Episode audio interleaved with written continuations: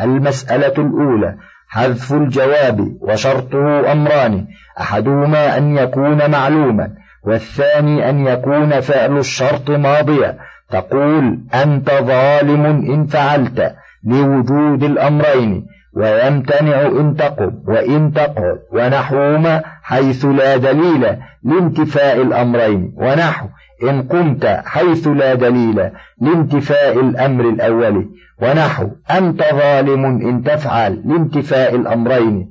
قال الله تعالى وإن كان كبر عليك إعراضهم فإن استطعت أن تبتغي نفقا في الأرض أو سلما في السماء فتأتيهم بآية. تقدروا فافعل. والحذف في هذه الآية في غاية من الحسن لأنه قد انضم لوجود الشرطين طول الكلام وهو مما يحسن معه الحذف. المسألة الثانية حذف فعل الشرط وحده وشرطه أيضا أمران دلالة الدليل عليه وكون الشرط واقعا بعد وإلا. كقولك تب وإلا عاقبتك. أي وإلا تتب عاقبتك. وقول الشاعر فطلقها فلست لها بكفء وإلا يعلو مفرقك الحسام. أي وإلا تطلقها يعلو. وقد لا يكون بعد وإلا فيكون شاذا إلا في نحو. إن خيرا فخير فقياس.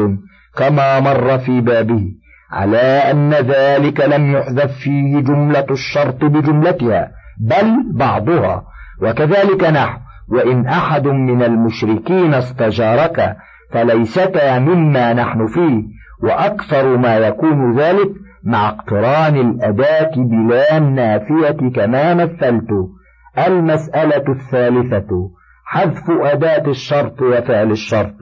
وشرطه أن يتقدم عليهما طلب بلفظ الشرط ومعناه أو بمعناه فقط فالأول نحو ائتني أكرمك تقدروا ائتني فإن تأتني أكرمك فأكرمك مجزوم في جواب شرط محذوف دل عليه فعل الطلب المذكور هذا هو المذهب الصحيح والثاني نحو قوله تعالى قل تعالوا أكل ما حرم ربكم عليكم. أي تعالوا فإن تأتوا أكلوا ولا يجوز أن يقدر فإن تتعالوا أكلوا لأن تعالى فعل جامد لا مضارع له ولا ماضي حتى توهم بعضهم أنه اسم فعل ولا فرق بين كون الطلب بالفعل كما مثلنا. وكونه باسم الفعل كقول عمرو بن الإطنابة وغلط أبو عبيدة فنسبه إلى قطري بن الفجاءة أبت لي عفتي وأبى بلائي وأخذ الحمد بالثمن الربيح وإمساكي على المكروه نفسي وضربي هامة البطل المشيح وقولي كلما جشأت وجاشت مكانك تحمدي أو تستريحي لأدفع عن مآثر صالحات وأحمي بعد عن عرض صحيح. فجزم تحمدي بعد قوله مكانك وهو اسم فعل بمعنى اثبتي وشرط الحذف بعد النهي كون الجواب أمرا محبوبا كدخول الجنة والسلامة. في قولك لا تكفر تدخل الجنة. ولا تدن من الأسد تسلم فلو كان أمرا مكروها كدخول النار وأكل السبع في قوله لا تكفر تدخل النار ولا تدن من الأسد يأكلك تعين الرفع ثلاثا للكسائي ولا دليل له في قراءة بعضهم ولا تمن تستكثر لجواز أن يكون ذلك موصولا بنية الوقف وسهل ذلك أن فيه تحصيلا لتناسب الأفعال المذكورة معه ولا يحسن أن يقدر بدلا مما قبله كما زعم بعضهم لاختلاف معنويهما وعدم دلالة الأول على الثاني. ثم قلت ويجب الاستغناء عن جواب الشرط بدليله متقدما لفظا نحو هو ظالم إن فعل أو نية نحو إن قمت أقوم ومن ثم امتنع في النثر إن تقم أقول وبجواب ما تقدم من شرط مطلقة أو قسم إلا إن سبقه ذو خبر فيجوز ترجيح الشرط المؤخر وأقول حذف الجواب على ثلاثة أوجه ممتنع وهو ما انتفى منه الشرطان المذكوران أو أحدهما وجائز وهو ما وجد فيه ولم يكن الدليل الذي دل عليه جملة مذكورة في ذلك الكلام متقدمة الذكر لفظا أو تقديرا وواجب وهو ما كان دليله الجملة المذكورة. فالمتقدمة لفظا كقولك أنت ظالم إن فعلت والمتقدمة تقديرا لها صورتان إحداهما قولك إن قام زيد أقوم وقول الشاعر وإن أتاه خليل يوم مسألة يقول لا غائب مالي ولا حرم. فإن المضارع المرفوع المؤخرة على نية التقديم على أداة الشرط في مذهب سيبويه والأصل أقوم إن قام ويقول إن أتاه خليل والمبرد يرى أنه هو الجواب وأن الفاء مقدرة. والثانية أن يتقدم على الشرط قسم.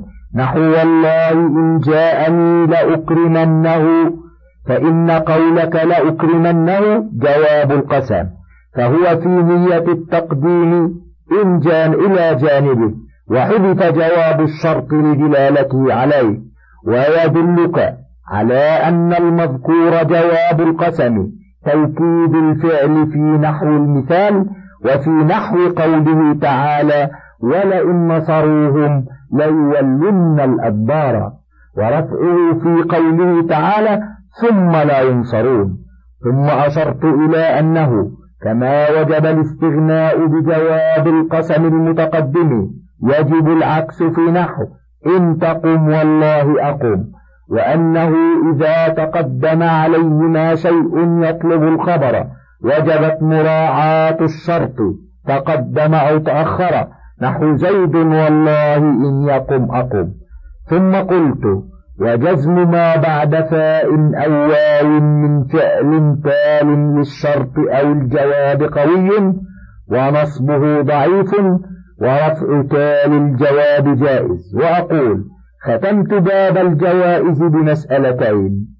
أولهما يجوز فيها ثلاثة أوجه والثانية يجوز فيها وجهان وكلتاهما يكون الفعل فيها واقعا بعد الفاء أو الواو. فأما مسألة الثلاثة الأوجه فضابطها أن يقع الفعل بعد الشرط والجزاء كقوله تعالى وإن تبدوا ما في أنفسكم أو تخفوه يحاسبكم به الله فيغفر لمن يشاء. قرئ فيغفر بالجزم على العطف وفيغفر بالرفع على الاستئناف وفيغفر بالنصب على إضمار أن وهو ضعيف وبه قال ابن عباس وهي عن ابن عباس. وأما مسألة الوجهين فضابطها أن يقع الفعل بين الشرط والجزاء كقولك إن تأتني وتمشي إلي أكرمك فالوجه الجزم ويجوز النصب كقوله ومن يقترب منا ويخضع نؤه ولا يخشى ظلما ما أقام ولا هضما ثم قلت باب في عمل الفعل. كل الأفعال ترفع إما الفاعل أو نائبه أو المشبه به. وتنصب الأسماء. إلا المشبه بالمفعول به مطلقا وإلا الخبر والتمييز والمفعول المطلق فناصبها الوصف والناقص والمبهم المعنى أو النسبة والمتصرف التام ومصدره ووصفه. وإلا المفعول به فإنها بالنسبة إليه سبعة أقسام ما لا يتعدى إليه أصلا كالدال على حدوث ذات كحدث ونبت أو صفة حسية كطال وخلق أو عرض كمرض وفرح وكالموازن لانفعل كانكسر أو فعل كظرف أو فعل أو فعل اللذين وصفهما على فعيل في نحو ذل وسمن وما يتعدى إلى واحد دائما بالجار كغضب ومر أو دائما بنفسه كأفعال الحواس أو تارة وتارة كسكر ونصخ وقصد وما يتعدى له بنفسه تارة ولا يتعدى إليه أخرى كنقص وزاد أو يتعدى إليهما دائما فإما ثانيهما كمفعول شكر كأمر واستغفر واختار وصدق وزوج وكنى وسمى ودعا بمعناه وكال ووزن أو أولهما فاعل في المعنى كأعطى وكسى أو أولهما وثانيهما مبتدأ وخبر في الأصل وهو أفعال القلوب ظن لا بمعنى اتهم وعلم لا بمعنى عرف ورأى لا من الرأي ووجد لا بمعنى حزن أو حقد وحجى لا بمعنى قصد وحسب وزعم وخال وجعل ودرى في لغية وهب وتعلم بمعنى اعلم.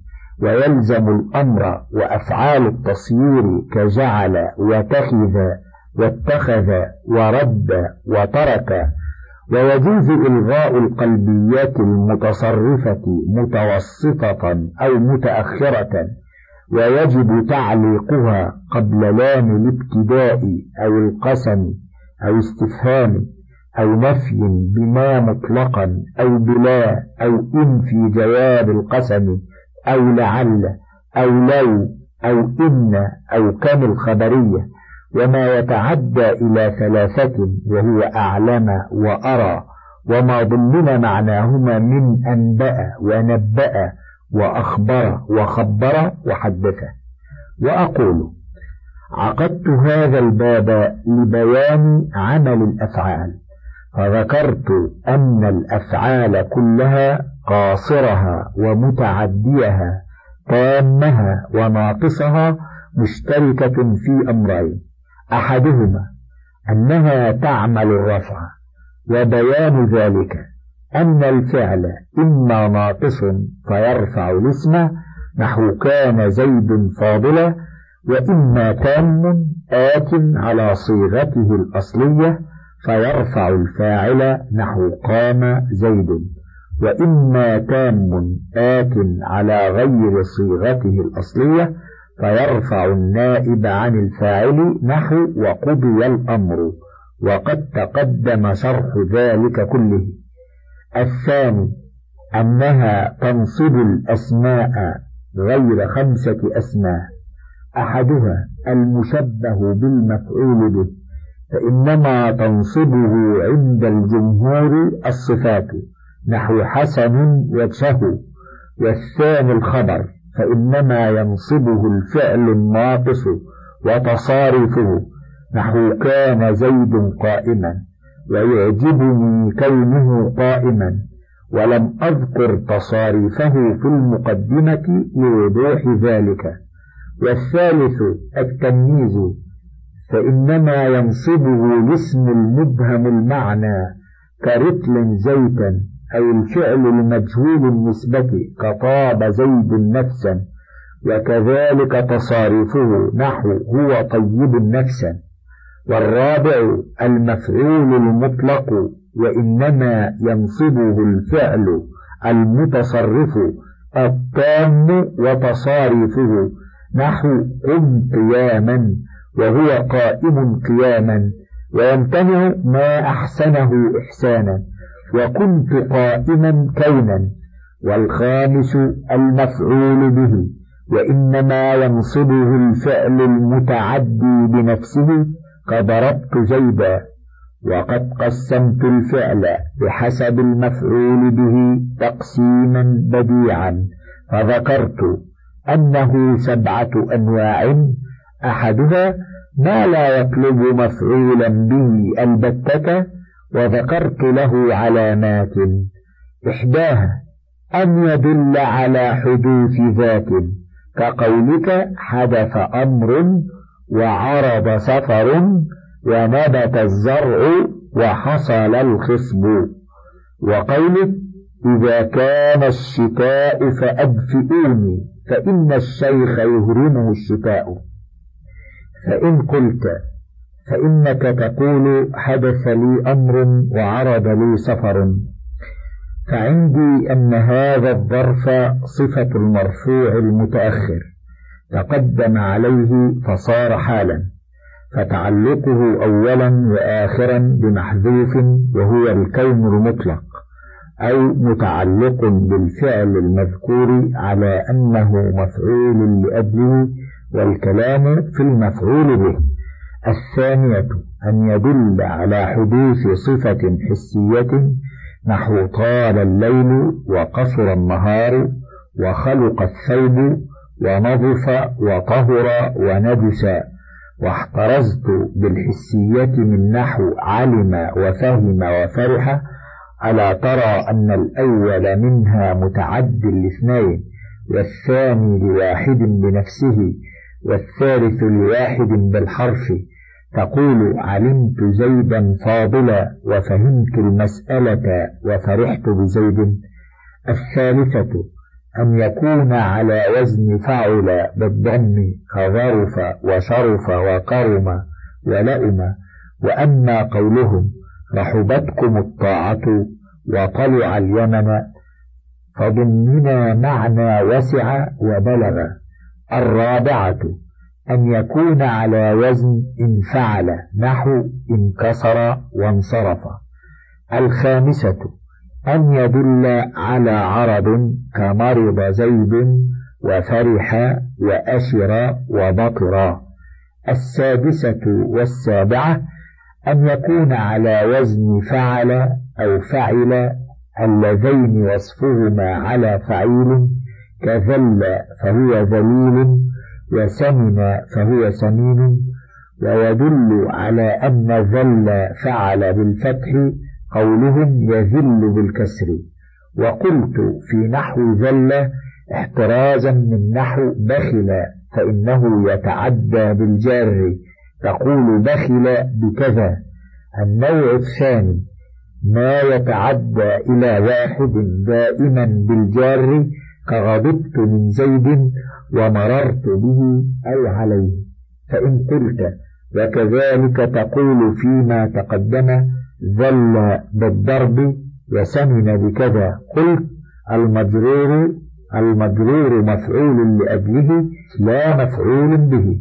الثالث ما يتعدى لواحد بنفسه دائما كأفعال الحواس. نحو رأيت الهلال وشممت الطيب وذقت الطعام وسمعت الأذان ولمست المرأة.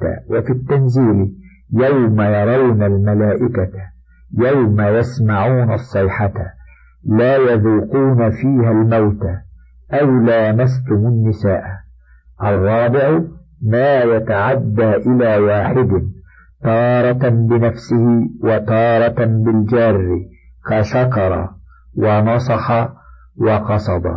تقول شكرته وشكرت له ونصحته ونصحت له وقصدته وقصدت له وقصدت إليه. قال الله تعالى واشكروا نعمة الله أن اشكر لي ولوالديك ونصحت لكم. الخامس ما يتعدى لواحد بنفسه تارة ولا يتعدى أخرى لا بنفسه ولا بالجار. وذلك نحو فغر بالفاء والغين المعجمة وشحى بالشين المعجمة والحاء المهملة. تقول فغر فاه وشحاه بمعنى فتح. وفغر فوه وشحى فوه بمعنى انفتح. السادس ما يتعدى إلى اثنين. وقسمته قسمين. أحدهما ما يتعدى إليهما تارة ولا يتعدى أخرى. نحو نقص. تقول نقص المال. ونقصت زيدا دينارا بالتخفيف. قال الله تعالى ثم لم ينقصوكم شيئا. وأجاز بعضهم كون شيئا مفعولا مطلقا. أي نقصا ما. الثاني ما يتعدى إليهما دائما وقسمته ثلاثة أقسام. أحدها ما ثاني مفعوليه كمفعول شكر كأمر واستغفر. تقول أمرتك الخير وأمرتك بالخير وسيأتي شرحهما بعد. والثاني ما أول مفعوليه فاعل في المعنى نحو كسيته جبة وأعطيته دينارا فإن المفعول الأول لابس وآخذ ففيه فاعلية معنوية. الثالث ما يتعدى لمفعولين أولهما وثانيهما مبتدأ وخبر في الأصل وهو أفعال القلوب المذكورة قبل. وأفعال التصيير وشاهد أفعال القلوب قوله تعالى وإني لأظنك يا فرعون مثبورا فإن علمتموهن مؤمنات تجدوه عند الله هو خيرا لا تحسبوه شرا لكم وجعلوا الملائكة الذين هم عباد الرحمن إناثا. أو اعتقدوهم. وقول الشاعر قد كنت أحدو أبا عمرو أخا ثقة حتى ألمت بنا يوما ملمات. وقول الآخر زعمتني شيخا ولست بشيخ إنما الشيخ من يدب دبيبا والأكثر تعدي زعم إلى أن أو أن وصلتهما. نحو زعم الذين كفروا أن لم يبعثوا. وقوله وقد زعمت أني تغيرت بعدها. ومن ذا الذي يعز لا يتغير. وقال بريت الوفي العهد يا عرو فاقتبض. فإن ارتباطا بالوفاء حميد. والأكثر في درى أن تتعدى إلى واحد بالباء تقول دريت بكذا قال الله تعالى ولا أدراكم به. وإنما تعدت إلى الكاف والميم بواسطة همزة النقل وقوله فقلت أجرني أبا خالد وإلا فهبني امرأ هالكة. أيعتقدني. وقوله تعلم شفاء النفس قهر عدوها والأكثر في تعلم أن يتعدى إلى أن وصلتها. كقوله تعلم رسول الله أنك مدركي وشاهد أفعال التصوير. قوله تعالى فجعلناه هباء منصورا واتخذ الله إبراهيم خليلا. لو يردونكم من بعد إيمانكم كفارا حسدا. وتركنا بعضهم يومئذ يموج في بعض. واحترزت من ظن بمعنى اتهم. فإنها تتعدى لواحد. نحو قولك عدم لي مال فظننت زيدا ومنه قوله تعالى وما هو على الغيب بظنين أي ما هو بمتهم على الغيب. وأما من قرأ بالضاد فمعناه ما هو ببخيل. وكذلك علم بمعنى عرف نحو. والله أخرجكم من بطون أمهاتكم لا تعلمون شيئا. ورأى من الرأي كقوله رأى أبو حنيفة حل كذا أو حرمته وحجى بمعنى قصد. نحو حجيت بيت الله. ومن وجد بمعنى حزن أو حقد فإنهما لا يتعديان بأنفسهما بل تقول وجدت على الميت وحقدت على المسيء. ثم اعلم أن لأفعال القلوب ثلاث حالات الإعمال والإلغاء والتعليق.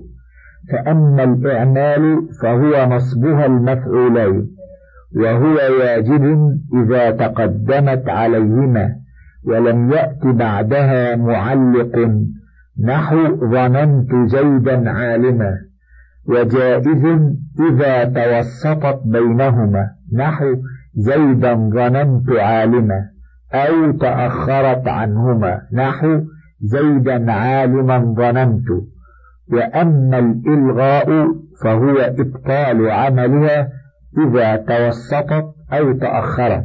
فتقول زيد ظننت عالم وزيد عالم ظننت والإلغاء مع التأخر أحسن من الإعمال. والإعمال مع التوسط أحسن من الإلغاء وقيل هما سيان. وأما التعليق فهو إبطال عملها في اللفظ دون التقدير لاعتراض ما له صدر الكلام بينها وبين معموليها وهو واحد من أمور عشرة. أحدها لام الابتداء نحو علمت لزيد فاضل. وقول الله تعالى ولقد علموا لمن اشتراه ما له في الآخرة من خلاق. الثاني لام القسم نحو علمت ليقومن زيد. أي علمت والله ليقومن زيد. وقوله ولقد علمت لتأتين منيتي. إن المنايا لا تطيش سهامها الثالث الاستفهام سواء كان بالحرف كقولك علمت أزيد في الدار أم عمرو؟ وقوله تعالى وإن أدري أقريب أم بعيد ما توعدون أو بالاسم. سواء كان الاسم مبتدأ نحو لنعلم أي الحزبين أحصى ولتعلمن أينا أشد عذابا. أو خبرا نحو علمت متى السفر أو مضافا إليه المبتدأ نحو علمت أبو من زيد. أو الخبر نحو علمت صبيحة أي يوم سفرك. أو فضلة النحو وسيعلم الذين ظلموا أي منقلب ينقلبون فأي منصوب على المصدر بما بعده وتقديره ينقلبون أي انقلاب وليس منصوبا بما قبله لأن الاستفهام له الصدر فلا يعمل فيه ما قبله وهذه الأنواع كلها داخلة تحت قول استفهام. الرابع ما النافية؟ نحو علمت ما زيد قائم. وقوله تعالى لقد علمت ما هؤلاء ينطقون. الخامس لا النافية في جواب القسم. نحو علمت والله لا زيد في الدار ولا عمرو. السادس إن النافية في جواب القسم. نحو علمت والله إن زيد قائم بمعنى ما زيد قائم. السابع لعل نحو وإن أدري لعله فتنة لكم. ذكره أبو علي في التذكرة. الثامن لو الشرطية كقول الشاعر وقد علم الأقوام لو أن حاكما أراد ثراء المال. كان له وفر. التاسع إن التي في خبرها اللام. نحو علمت إن زيدا لقائم. ذكره جماعة من المغاربة. والظاهر أن المعلق إنما هو اللام لا إن. إلا أن ابن الخباز حكى في بعض كتبه أنه يجوز علمت إن زيدا قائم بالكسر مع عدم اللام وأن ذلك مذهب سيبويه فعلى هذا المعلق إنا العاشر كان الخبرية نص على ذلك بعضهم وحمل عليه قول الله تعالى ألم يروا كم أهلكنا قبلهم من القرون أنهم إليهم لا يرجعون. وقدر كم خبرية منصوبة بأهلكنا والجملة سادة مسد مفعولا يروا لأنهم بتقدير بأنهم وكأنه قيل أهلكناهم بالاستئصال. وهذا الإعراب والمعنى صحيحان لكن لا يتعين خبرية كم بل يجوز أن تكون استفهامية. ويؤيده قراءة ابن مسعود من أهلكنا وجوز الفراء انتصاب كم بيروا وهو سهو سواء قدرت خبرية أو استفهامية. انتهى الشريط التاسع وللكتاب بقية على الشريط التالي.